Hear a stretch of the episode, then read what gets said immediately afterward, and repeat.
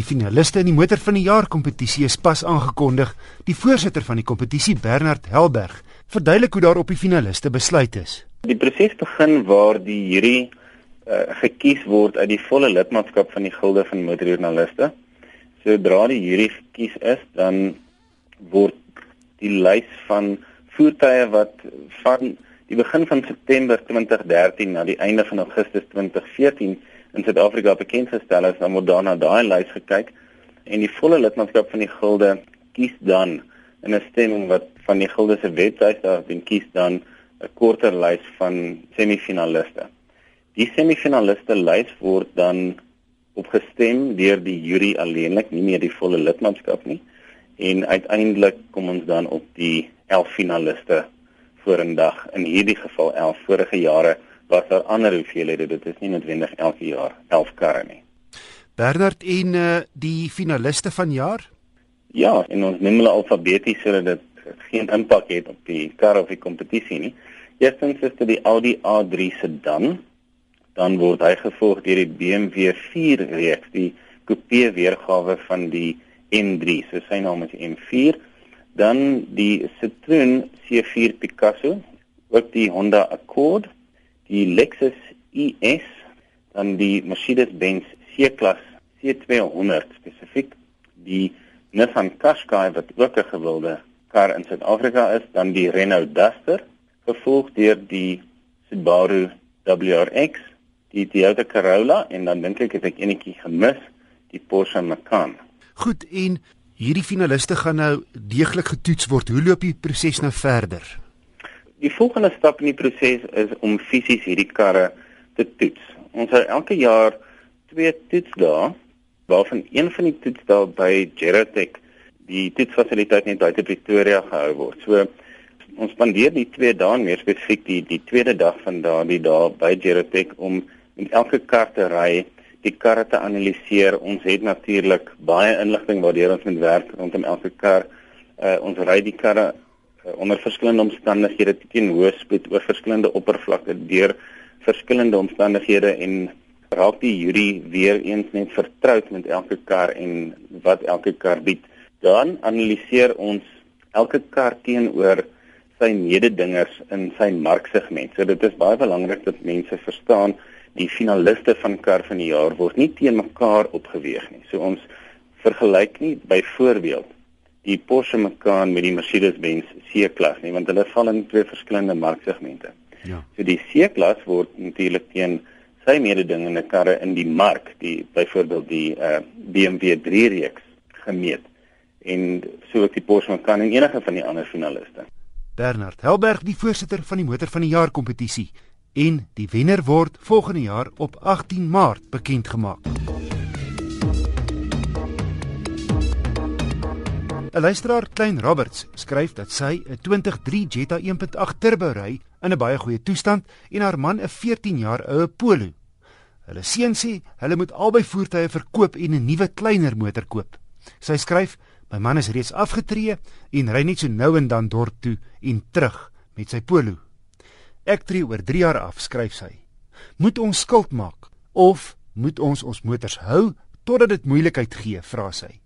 Ek het gaan aanklop by Jake Venter, 'n vryske tegniese motorjoernalis wat onder andere voertuie toets vir Farmers Weekly. Ja, mevrou Roberts, ek kan sien hoe hier die gang is. Jou kinders wil hê jy moet 'n nuwe karretjie koop omdat hy kleiner is en hy gaan nie wat brandstof spaar. En jy of jou man het bietjie van 'n geheek om 'n nuwe kar te kry. Elke paar jaar kry jy so gevoel, maar ek persoonlik dink die beste plan is om die Jetta te hou. Hy is die, die nuutste van die twee motors en al daai geld wat jy sou gebruik het om die kar te koop, maar elders te spaar en, en dan ry jy baie tevrede met die Jetta vir 'n paar jaar en as dit 'n moontlikheid gee, het jy geld om iets te doen aan die saak.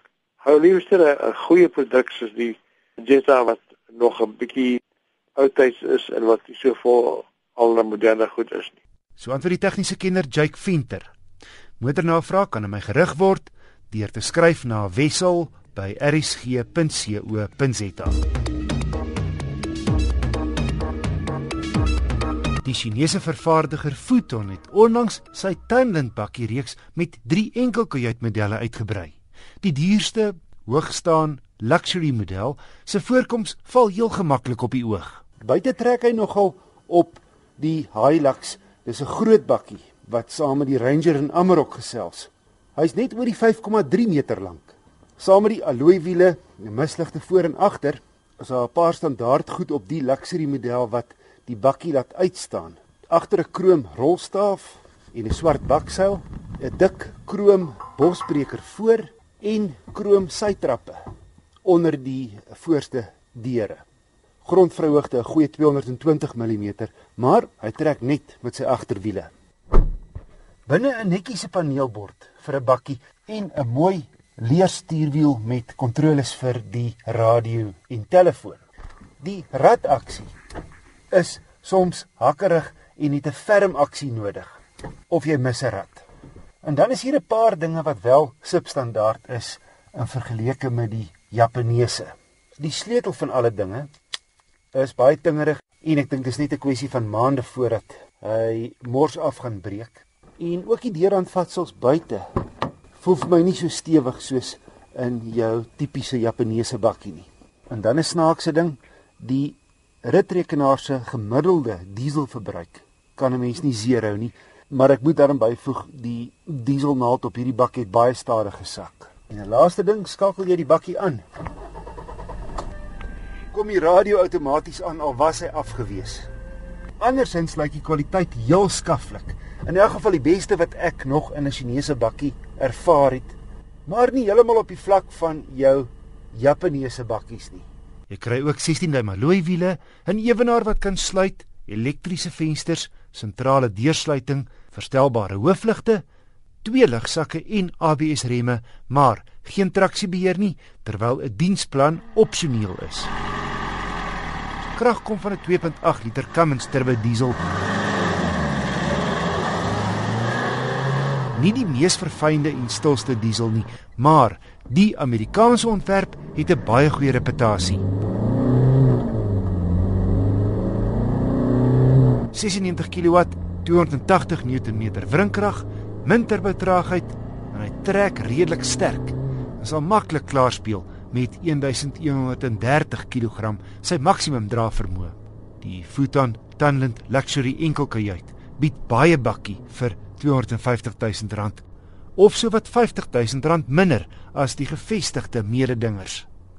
My toetspakkie was feitelik splinternuut, so ek kan my nie uitspreek oor die Chinese bakkie se betroubaarheid nie, maar die Amerikaanse Cummins turbo diesel behoort lank te hou. Hier is my wenk van die week. Verlede week het ek dit gehad oor die gebruik van flikkerligte. Rood Griesel van die Kaap vra dat motoriste ook in toegewyde bane 'n flikkerlig gebruik. Hy sê hy was nou die dag op sy fiets en hy het nie geweet dit is 'n toegewyde linksdraaibaan nie en was baie sinieagtig toe 'n motoris nie aangedui het waarna toe sy mik nie. Hy skryf ook dat hy 'n buckle up no excuses veldtog by sy kinders se skole begin het deur borde op die parkeerterrein te plaas. Dankie Rood vir jou bydrae tot padveiligheid. Luisteraars met veiligheids of tegniese wenke kan my gerus laat weet deur te e-pos na wissel@rsg.co.za.